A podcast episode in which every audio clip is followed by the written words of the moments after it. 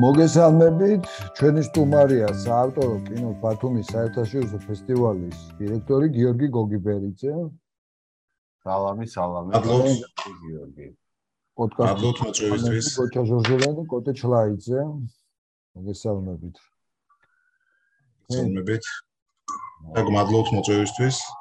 პირიქით მადლობა სტუმრობისთვის და მოდი დავიწყოთ პირდაპირ საქმეზე გადავიდეთ. რა ხდება ბათუმის ფესტივალის თავს? ბევრი ამბები გვესმის მოგდის ვიცით რაღაც ინფორმაციები და რა ვიცი პირველ წყაროსგან მინდა მაინც გავიგოთ რომ ცოტა ხანში სულ მალე დაიწყება ფესტივალი და რა ხდება რა სტადიაზე ხართ და როგორ ხართ?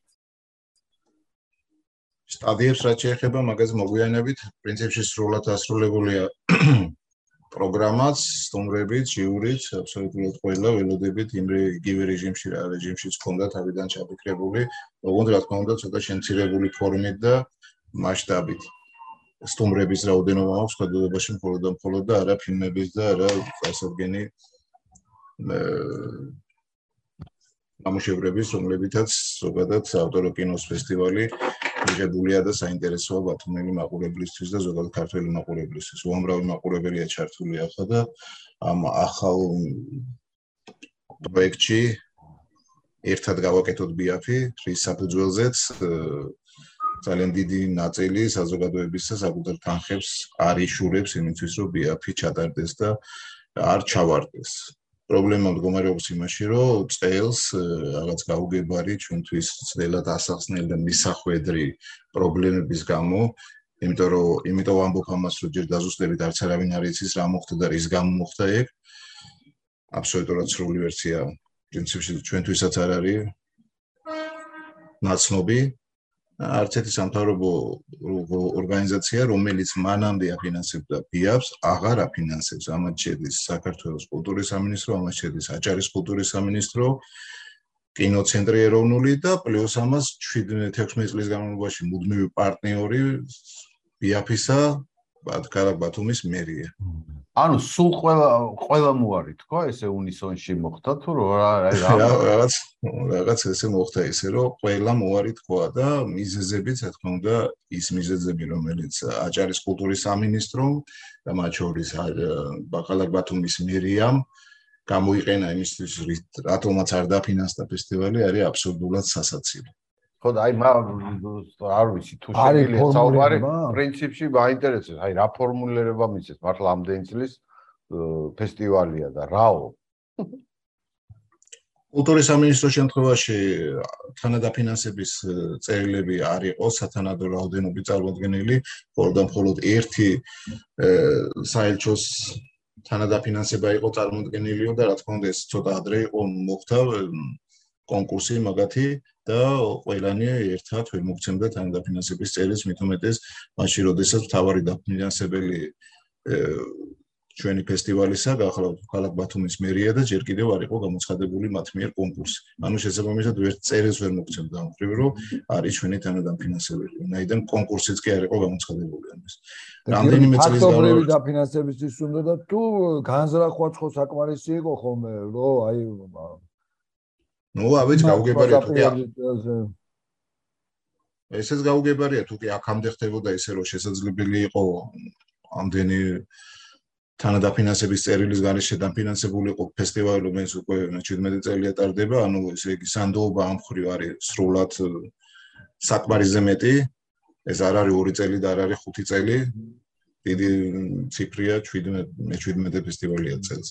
თუ კი აქამდე შეიძლებოდა, რატომაც არა ახლა, მაგრამ ნუ რა ვიცი, რაღაც როგორ ჩანს რაღაც სხვა რამ მოხდა, ისეთი რათა რითაც თქვათ არ არის პიაფი საჭირო, ან არა პიაფს აქვს პლის ბილეთი და შესაძლებლად მოიცა ეს თქმა უნდა ახლა ამ ეტაპზე უკვე სასაცილო ჟღერს, მაგრამ ნუ რა ვიცი, ჩვენ არანაირი ტრობის სურვილი არ გვაქვს მიუხედავად იმისა, რომ დიდი ხნის წინ გითხრა პირველმა ორგანიზაციებმა კულტურის სამინისტრომ ეროვნულმა კინოცენტრმა და საქართველოს კულტურის სამინისტრომ უარი არანაირი ის არ დაგვიწყია ამ შესახებ ბრძოლა და რა ვიცი საჩივრები და საქართველოს კულტურის სამინისტროსთან როგორც ვიცი, რაღაცა პასუხი ამ შემთხვევაში არ იძლევია. ხო, უბრალოდ პასუხს კი არა, განმარტებას რატომ მოხდა.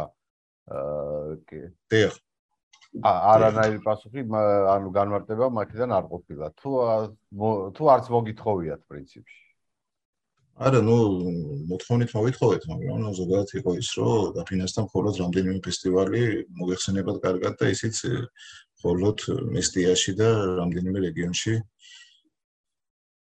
თბილისის ფესტივალი, თბილისი დოკფესტი და ბათუმის კინოფესტივალი მოყვა და ქუთაისიც. ქუთაისით გენოციდის.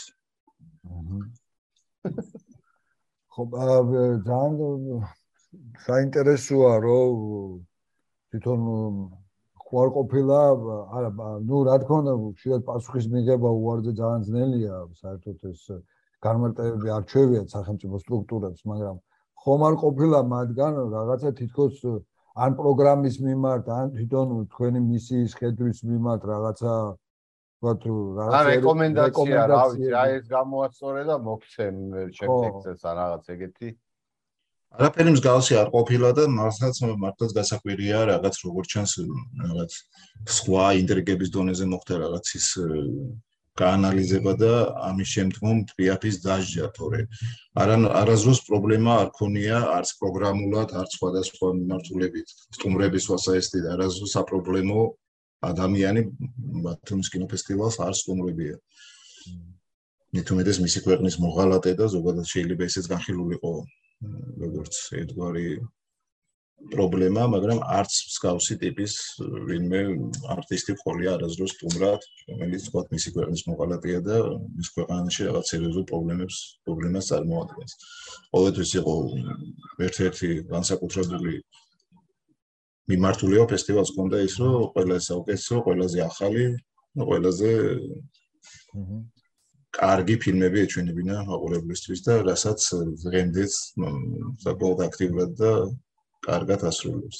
ესაც წელსაც ეხა ამ ამ პრობლემების ამ პრობლემების რა ქვია ფონზე აი რა ორი სიტყვით კოლაბორაციაზე რომ მითხრა თქვენი და დოკუმენტური ფილმების ფესტივალი ეს რო როგორ მოხდა, რანაირად მოხდა, იმათაც პრობლემები შეექმნათ, რამდენადაც ვიცი. ხო? თუ აი თუ რა ხოთა წელს ყველაზე მნიშვნელოვანი ალბათ ის არის მთელი ახვის განმავლობაში BAP ჩატარდება, ანუ BAP-ის პერიოდში ბათუმში ჩატარდება ორი ფესტივალი BAP და პლუს სინედოკ თბილისი, რომელიც სინედოკ თბილისი თლად აღარ გამოდის, სინედოკ ბათუმი გამოდის უკვე წელს.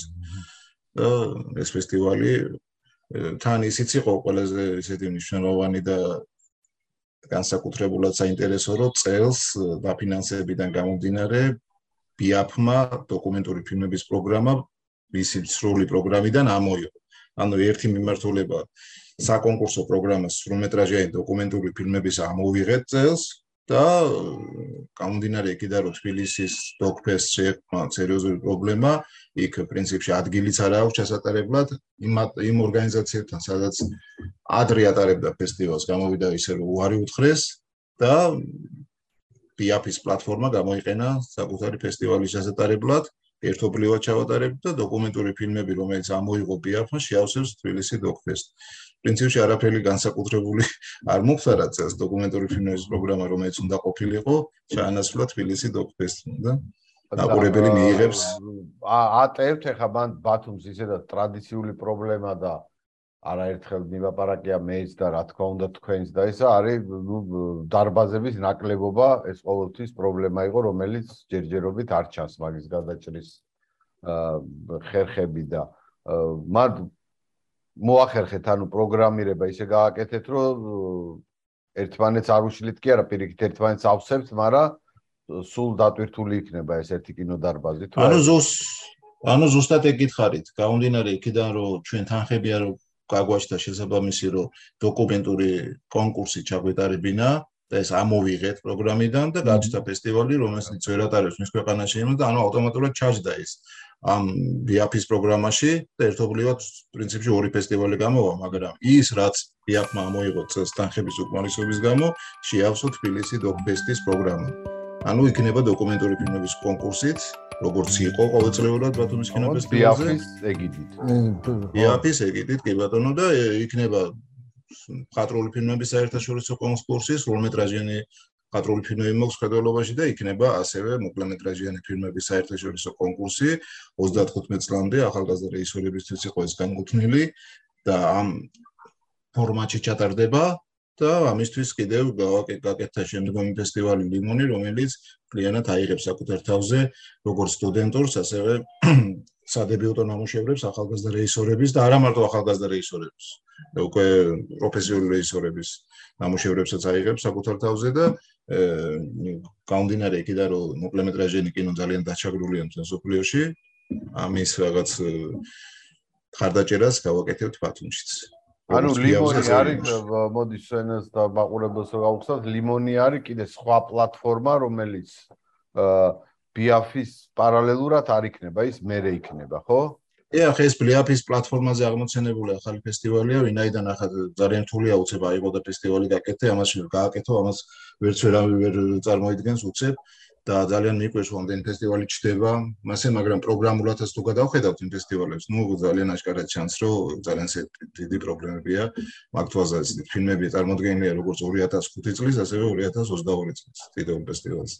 ესე რა თქმა უნდა არასაფესტივალო განწყობა მომხრივ და ახლა BIAP-ის პლატფორმა უკვე არსებობდა, ამაზე შეიძლება და მოკლემეტრაჟიანი ფილმების ცალკე ფესტივალის გაკეთება, რომელიც პირველი 7-8 წელი იქნებოდა დამოკიდებული ლიმოზეში, ხოლო შემდგომში შეძლებდა უკვე საკუთარი იდენტობის მოპოვებას ისე რომ უკვე ცალკე მისი მოხმარებელი ეყოლებოდა. ძალიან საინტერესო. ორი სიტყვით გიორგიევი, თქვენ ხა უნიკალური გამოცდილება დაგიგროვდათ, რომ 17 წელს არ გული ამასაც გულისხმობ რა თქმა უნდა, მაგრამ ეხლა უკვე ფაქტის წინაშე რაც დადეკით ფინანსებთან დაკავშირებით.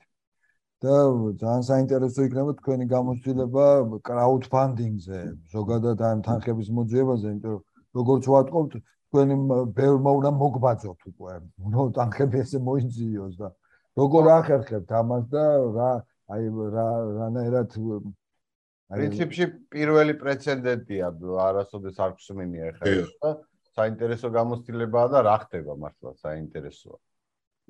დიახ და აი იძულებული გავხდით პრინციპში სხვა გზა სხვა ხსნა ჩვენ არ გქონდა. ერთ-ერთი გამოსავალი იყო მსგავსი ტიპის ფონიზებაზე წასვლა. ანუ ერთად გავაკეთოთ PAP ასე ქვია ამ პროექტს რომლის ფარგლებშიც უამრავი ადამიანი რიცხავს თანხებს, მათ შორის საკმაოდ სოლიდურ თანხებსაც. უბრალოდ შეუულებრივი ბათუმელები, თბილისელები, ძალიან ცნობილი, ნაკლებად ცნობილი კინემატოგრაფისტები და ზოგადად ცნობილი საზოგადო მოღვაწეები, მათ შორის ახალგაზრდებიც, ძველგაზრდებიც და ჩვენ და გასაკვირად საკმაოდ ესეთი თანხა შეგროვდა მიუხედავად იმისა, რომ სულ რაღაც ერთი კვირა არას დავიწყეთ. თუმცა ჯერ თანხები სულად არ არის საკმარისი ამისთვის და ეს პროექტი გრძელდება და გაგრძელდება ფესტივალის ბოლომდე და ის დანაკლისი რაც გაგვაჩნდა იმისთვის რომ ვალების გარეშე ჩატარდეს ეს ფესტივალი იმედი მაქვს რომ ამას როგორც პროგრამა მინიმუმს შევასრულებთ იმ ხალხის მხარდაჭერით რომლებსაც ამ 17 წლის განმავლობაში საკმაოდ ახლო ურთიერთობა ჰქონდა ბიაბთან, მოხმარებელი იყო. მოგეხსენებათ, რომ ბიაბზე ფასიანი ჩვენებები არ იყო, მხოლოდ რამდენიმე წლის განმავლობაში იყო საცდელ ვერსიად. პირველ შემთხვევაში ის რომ მხოლოდ და მხოლოდ საღამო ჩვენებები, ანუ დიდოსტატა კოლექცია გაგვეყიდა, ისი ძალიან უნიშნელო რაოდენობა. და მეორე მხრივ ის რომ ყველა ადგილი შეხვედროდა ბილეთების დანორო კომპანია რომელიც კომპანია რომელიც უზრუნველყოფდა ბილეთების გადასაღებას გავრცელებას იმათ ვთხოვეთ რომ რაღაც მინიმალურ თანხად მხოლოდ მათი ხარჯის სანაცვლოდ გაეკეთებინა ისე ბილეთების დარიგება რომ ყველას ვისაც რიგში დგომა არ უყვარს და ვისაც წინასწარ დრო არ აქვს ამისთვის რომ ერთ საათით ადრე მოვიდეს ჩვენებამდე გონოდა საშუალება იმისა რომ კონკრეტულ მისთვის ასიამოვნო საინტერესო სეანს დასწრებოდა ესეც ამხრივ ძალიან საინტერესო აღმოჩნდა და ძალიან აქტიურად ყიდულობდნენ იმ ორლარიან თუ სამლარიან ბილეთებს. ანუ წელს უფრო წელს უფრო იქნება მეციანსებზე ფასიანი ბილეთები, ხო? როგორ პირიქით წელს მხოლოდ წელს მხოლოდ მხოლოდ გაიყიდება აბონიმენტები იმ ადამიანებისთვის ზუსტად ვისაც მასეთი პრობლემა აქვს და წინასა ვერ ახერხებს რამდენიმე საათი ადრე მოცვლა ჩვენებებზე და ყოფნას იქ თელ დღის განმავლობაში დანარჩენი ჩვენებები რა თქმა უნდა ყველა ადგილი იქნება უფასო ხოლო და მხოლოდ ამას ახლავს ის მეორე ისა რომ ნი უნდა ადრე მისვლა ადგილის დაკავება და ასე შემდეგ და ასე რიგში დგომა მათ შორის. მოგახსენებათ კინოთეატრი წაღან ახსენეთ ბათუმის კინოფესტივალზე ზოგადად ამ ქალაქის ამხელა 100 40000 მოსახლეზე მხოლოდ 160 კაციანი დარბაზია პროფესიული ჩვენებისთვის მზადყოფნაში, მხოლოდ და მხოლოდ. ძალიან პატარა რაოდენობაა მოგეხსენებათ თეირანი შემიყვარდა იმის გამო, რომ მიუხედავად იმისა, საკმაოდ ბევრია რიცხობრივი რიცხობრიობით თეირანი, მაგრამ 8000 კინოდარბაზი აქვს მე გამოვცა ამ ციფრს.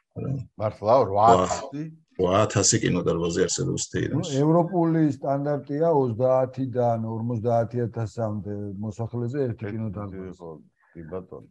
რაც ნუ ახლა ჩვენ არანაირ სტანდარტში აღარ ვზივართ მე მგონი ჩვენთვის ძალიან მნიშვნელოვანი იყო მუნიციპალური კინოთეატრი რომელსაც აქტიურად გამოიყენებდა საავტორო კინოს საერთაშორისო ფესტივალი მათ შორის ყველა ის ფესტივალი რომელიც აჭარის ტერიტორიაზე კეთდება ჩვენს რეგიონში და პლუს ამას ქართული კინოს პროპაგანდა დავიწყებდით ამ კინოთეატრში. ესე უნდა ყოფილიყო დაახლოებით ცირე ბიუჯეტიანი კინოთეატრი. ცირე ბიუჯეტიანობას ვამბობ ხოლმე და ხოლმე საბილეთო თვალსაზრისით 1 ლარი, 2 ლარი და სტუდენტებისთვის და მოსწავლეებისთვის საერთოდ უფასო.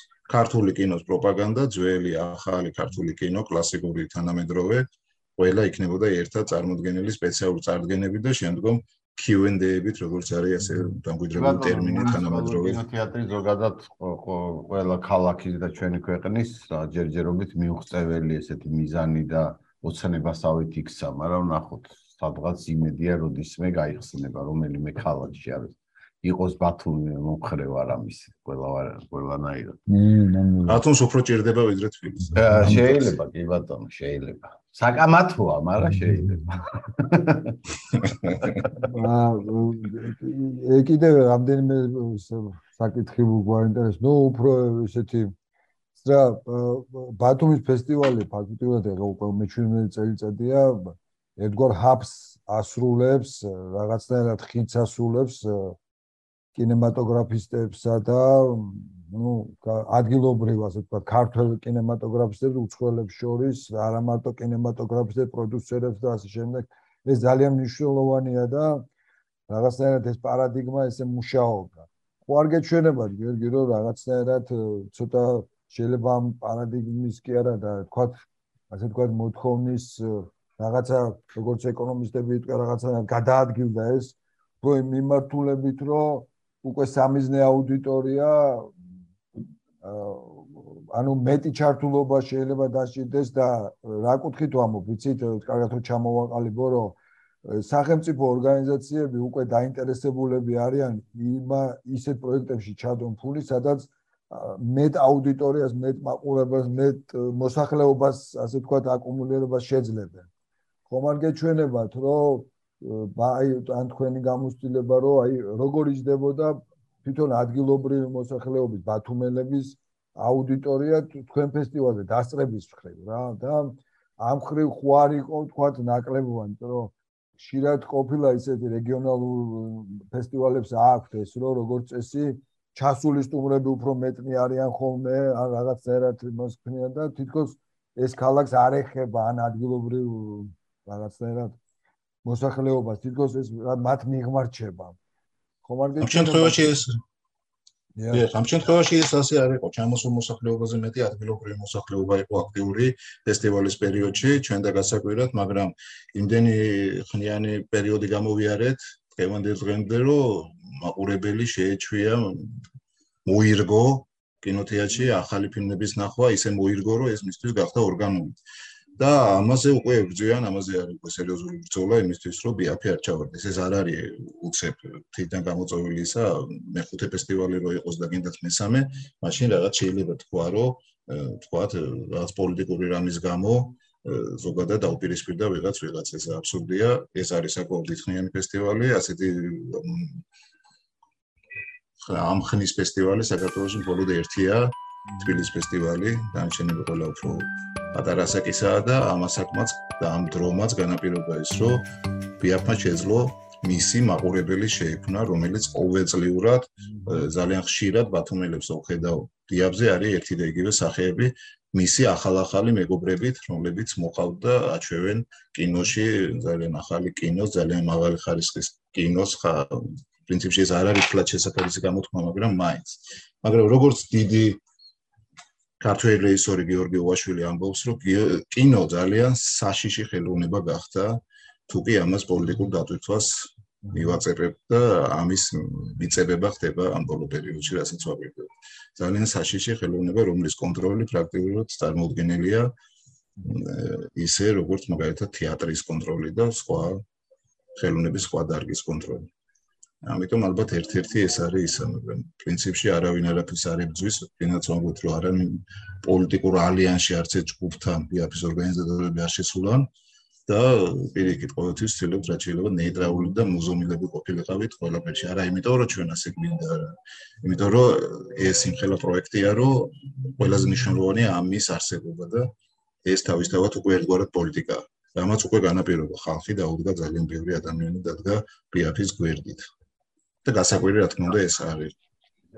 მაგალითად, ანუ შენ ეგ შეგრძნება მაინც და მაინც გაქრო რაღაცა პოლიტიკასთან არის კავშირში ეს ყველაფერი, რაც თქვენ გარშემო ხდება? რა ვიცი, პოლიტიკასთან ხო თქვი თავიდანაც რომ ეს ზუსტად არაფერი არ ვიცი, მაგრამ ერთ-ერთი რაც ნათლად ჩანს, ეს არის ერთგვარი სადამსჯელო მეთოდი. სხვა ვერაფერს ვერ დავაბრალე, თქვევა ამ პროცესს, რაც მოხდა და რაც ხდება დღეს ბიაფის თავს. ხო, მაგრამ აი ხო, სადამსჯელო პროცესი უბრალოდ რატო აი კითხვა ჩდება ხო ყველას? ანუ გასაგები აი რაღაცა ისეთი აქცია რო ყოფილიყო ან რაღაცა კიდე შეიძლება აი კი ფიქრო და ეხლა მე ისეთ რა შექმნების თეორიებში ვიდივარო ხო ცოტა არ ამგონია ამ დონეზე ეგეთ ქვეყანაში რო ცხოვრობდეთ თლად იდეალურში რო არ ცხოვრობთ ხედავთ ესა მაგრამ თლად ეგრე თუ არის საქმე ძალიან ცუდად ყოფილა უკვე ძალიან შორს მქონია შეტოპილი. არ ვიცი, ნახოთ. ხო, თუმცა ცოტა გაუგებარია, ხო, ესე უნისონში ყველა სამთავრობო ორგანიზაცია მოცეკვარი თქვას რაღაცაზე, ცოტა უცნაური არის, რა თქმა უნდა. მაგ შინაარსობრივ მხარეზე შეიძლება რომ ვისაუბროთ, რომ რაღაცენად კი გახსოვთ, ჩვენ რომელი წელი იყო, პოტე ჩვენ ფესტივალს ვაფინანსებდით კინოცენტრში 2008 იყო. არ ვიცი რა. 7-ის მაშინ ზვიადისტები მოგვივარდნენ და გაგამო გაუშვასო ფილმიო მისიო. კი ბატონო ხო ანუ არაპატრიოტულ ფილმების ფესტივალს რატო აფინანსებთო და რაღაც მიტინგი მოგვიწყეს? მახსოვს 2008 იყო არა ეგ თვითონ ფესტივალსაც მოუწყეს ხო და ფესტივალსაც და იყო ეგ შემთხვევით ანუ რაღაცერად გიორგი რასაც გულისხმობ ალბათ ეგ არის რომ რაღაცერად ეხა ცოტა ტრენჩიც გახდა რომ რაღაცნაირად უფრო პატრიოტული, უფრო ეროვნულობაზე მიმართული ფილმები უნდა იყოს თუ აი მაგას გულის ხო? სადა გვაქვს რო ეგეთ. რაღაცა მაგის, იმიტომ რომ როდესაც პასუხი არიცი, რატო გეუნებიან, ნუ მე სულ ყოველთვის წიწკებ ესე ფიქსოა, შეიძლება მის ბრალია, შეიძლება იმის ბრალია და პასუხის მიღება ძალიან ძნელი ძნელი გახდა. ჩვენც ახლა რაღაცა ვცდილობთ რომ პასუხები ვიპოვოთ. თუმცა პოლიტიკური რამდენად არის ხო ყოველ შემთხვევაში ეს ზედაპირზე მე მგონი არ ჩანს ჯერჯერობით ხო ეს გაუგებარია და კინო ყოველთვის პოლიტიკის მიღმა იყო და ზედმოთ იყო ყოველთვის. წელს გვაქვს უკრაინული პროგრამა ბევრმა გამოთქვა მოსაზრება რომ ერთ-ერთი ვერსია იმის რომ ავტომატს არ გაფინანსებენ შეიძლება ყოფილიყო ეს რომ გვაქვს სამი უკრაინული ფილმი უკრაინული პროგრამა ანუ ის უკრაინული ფილმები, რომელიც თანამედროვე პრობლემებზეა გაკეთებული, ძალიან ისეთი საინტერესო და ცნობილი უკვე კინემატოგრაფისტების ნამუშევრები, მაგრამ ის უარი რამდენიმე ორგანიზაციიდან BFI-ს არ დაფინანსებაზე, ბევრად უფრო ადრე იყო, ვიდრე ეს პროგრამის ჩანასახი გაჩნდებოდა. იმიტომ რომ ქუთაისის ფესტივალსაც აქვს უკრაინული პროგრამა, მართალია კულტურის სამინისტრო მეგენიც არ დააფინანსა, მაგრამ ნუ ქუთაისის მერია აფინანსებს და კინოცენტრიდანაც აქვს დაფინანსება. ასე რომ ხო ეგ არ ვიცი ესე შორს წასვლა რომ მაგიტო არის უარი ძალიან მაშინ უკვე და ძალიან არ მინდა რომ ეგ დავიჯერო რაღაცნაირად რაღაც სხვა სადღაც ყავთ ტრები რა და ვიცით ვიც მუშაობს რაღაცნაირად ცუდად არ ვიცი ვერ ხვდები ვინ არის ეგ მაგრამ იმედია გამოაშკარავდებიან ეს ცუდი ხალხი. იმედია ეს ტრები იმ პერიოდიდან იყო, იმ პერიოდიდან არიან, ბნელი რო იყო ჯერ კიდევ საზოგადოება. არა, ნუ სასიკარულოა რომ იმ ყველა თვითონ აუდიტორია ყავს და ხარდამჭერები და გულშემატკივრები ამ ფესტივალს რო ესე ესე რაღაცა ჩინოვნიკების გადაწყვეტილების გამო ეს არ გაჩერდება და ჩვენც აქტიურად მივიღებთ მონაწილეობას ამ პოდკასტის სახით. გიორგი ალბათ ანგარიშს გადმოგვიგზავნი და სიამოვნებით ჩვენ მე ანგარიში და ხო დავდებთ ჩვენ გვერდებზე YouTube-ზეც რომ რაღაცერად ჩავერთოთ და ყოველას მოუწოდებთ აქიდანაც რომ მაქსიმალურად ხარი დაუჭიროთ ფესტივალს. მე რა მაინტერესებს გიორგი? წეგან ცოტა რომ გადაუხვიოთ ახლა ამ თემიდან. წეგან ახსენე რომ მომრავლდა ფესტივალები. და ფაქტია რომ მომრავლდა ფესტივალები და ამაში შენ რაღაცა თითქოს შენ საუბარში რაღაც პრობლემა დავინახე თუ ცდები კომუნისტებს ჰქონდა ასეთი გამოთქმა არა შეზდარების მხრივ არ მინდა თქვა ზოგადად მინდა თქვა რომ ისე იგი ღირსეული ცვლა. რაღაც ხედავ ამის მინიშნებებსაც ამ ღირსეულ ცვლაში გიზოთო ოპ წყალებში არ გულისხმობ. ხო მაგრამ მოდი მეორე პოზიტივი პოზიტივის დავინახოთ ამ საქმეში. ფესტივალი ხო განსაკუთრებით რეგიონებში არის საშუალება რომ მიიტანო ფილმები სადღაც იქ სადაც სამწუხაროდ კინოთეატრები არ არის მაინდა-მაინც ბევრი მაყურებელი არ ყავს და რაღაცნაირად კომპენსირება შეიძლება მოხდეს ამ სახით კი ბატონო მე ეხმარები კიდეც მე არ ამ ამ მიმართულებით არ მithქვავს მე მინდა მჯეროდეს რომ მართლა არ არის ესენი შექმნილი ამისთვის. პირიქით ყველა მათგანს ეხმარები მათ შორის შეუულია და ადასტუროს მესტის ორგანიზატორებსაც ორივე ფესტივალი შეუულია სხვა იმასაც ვისაც კი უთხოვნია რამე ყველაფრის ყოველთვის დახმარები ვარ იმითაც კი რაც არ შეგვიძლია ისიც კი გავიკეთებია თუ კი ამის მოთხოვნილება არსებობდეს, შემი ერთ-ერთი მიზანიცა ის ის რომ საქართველოს დაიბრუნოს იმ კინემატოგრაფიული ქვეყნის სახელი ყველა მიმართულებით, როგორც კინოგადაღება, ასევე საფესტივალოას, ყველა მიმართულებით, რაც უნდა კონდეს წესი და რასაც არა მარტო ქართველები უცხოელების კი აღიარებენ, რომ ქართველები ძალიან კინემატოგრაფიული ხალხი ვართ. ამ სიტყვის ყველაზე კარგი და მნიშვნელოვანი გაგებით. მე ძალიან გამიხარდება თუ კი ძერ ყველა ქალაქში იქნება ფესტივალი და ყველა ფესტივალი იქნება ნამდვილად ფესტივალი, ამ სიტყვის ყველაზე კარგი გაგებით, ასას ფესტივალი უნდა ქვიოდეს. ვისი პროგრამით, ახალი ფილმებით, საინტერესო სტუმრებით, მასტერკლასებით, ვორქშოპებით და მათ შორის მიღებებითაც, რომელიც ასევე მნიშვნელოვანია და ერთ-ერთი ყველაზე მნიშვნელოვანია საფესტივალო საქმიანობაში. მithkons ფესტივალს ორი ძალიან დიდი პლუსი შეიძლება კონდეს ეს არის ძალიან კარგი პროგრამა და ძალიან კარგი მიღებები, იმიტომ რომ სხვა დანარჩენი არავის არაფერი არ ახსოვს შემდგომში. კარგი, აბა, თუმცა მაყურებელს განვეკა ჩვენ რაღაც პოდკასტს უყურებს და ახალგაზრდა ბათუმის პოდკასტი არის პროექტი, ზვიადი იყო ელიზიენ და იქ ახალგაზრდა წამყვანი ვიგონებს თვითონ როგორ მოხდა პირველად ამ ფესტივალზე და მისი ემოციები ახლა აბსოლუტურად გაუ ისე ძალიან დაბეშტილებების ქვეშ არის ბავშვობიდან და ეს ძალიან მნიშვნელოვანია, იმიტომ რომ ფაქტიურად მთელი თაობა თქვენ ფესტივალთან ერთად გაიზარდა. 17 წელი ეს სერიოზული ასაკია რა, უკვე დასრულობისაც შეიძლება ადამიანის სიცოცხლეს თუ მივდოდა. ერთი წელი და პასპორტსაც ავიღებ და პასპორტსაც აიღებ კი ბატონო. თუმცა გისურვებთო შემდეგ წელს პასპორტის აღების დროს ბევრად მეტი დამფინანსებელი, თანადამფინანსებელი და მეგობრები კი ყავთ აგერ კრაუდფანდინგმა თუ მართლა კაი შედეგს აჩვენებს ეს კრაუდფანდინგი როგორც იძახი, მაშინ ძალიან სასიამოვნოა და მართლა მნიშვნელოვანია ალბათ თქვენთვისაც და ზოგადად ყველა გულშემატკივრისთვის თქვენი ფესტივალი. კი ბატონო და იმიგრაციაში ნამდვილად არ წავალ პასპორტის აღების შემდეგ. ძიდი მედი გვაქვს ჩვენს და აი, აბა წარმატებები და ყველაფერი კარგი თქვენ ფესტივალს. წარმატებებს გისურვებ. დიდი მადლობა მონაწილეობისთვის. დრო და დრო შეგეხმიანებით და მომავალ ფესტივალზეც ლიმონზე თუ გაგიშდებოდა ჩვენ სიამოვნებით ჩვენი პლატფორმა ღია ჩვენი პოდკასტი ორი სიტყვით გეტყვით არის ქართულ კინოსა და კინოწარმოებაზე ადრე ახლა და მომავალში ძირითადად ლაპარაკობთ ჩვენ იმ პროცესებზე რაც კინოში ხდება კინოში ხდება შეიძლება იყოს დაფინანსება წარმოება და ასე შემდეგ. შინაარსი ხშირად არ შევდივართ კინოებს არ ვარჩევთ სხვა პოდკასტებიდან განსხვავებით თუმცა შეიძლება და სოლიდარობას გიცხადებ მე ჩაგიგდებთ მე YouTube-ის ლინკს და დრო რო გექნება რა თქმა უნდა ფესტივალის მე ხა ბევრი დრო არა გაქვისი თუ შეხედავ გაგვიხარდება. შენ კრიტიკულ ასსაც თუ გეტყვი ეგეც გაგვიხარდება მოკლედ წარმატებები და მაგრად. მოკითხვა ბათუმს და ყველა ორგანიზატორს თქვენი ფესტივალის დიდი მადლობა. მადლობა. მადლობა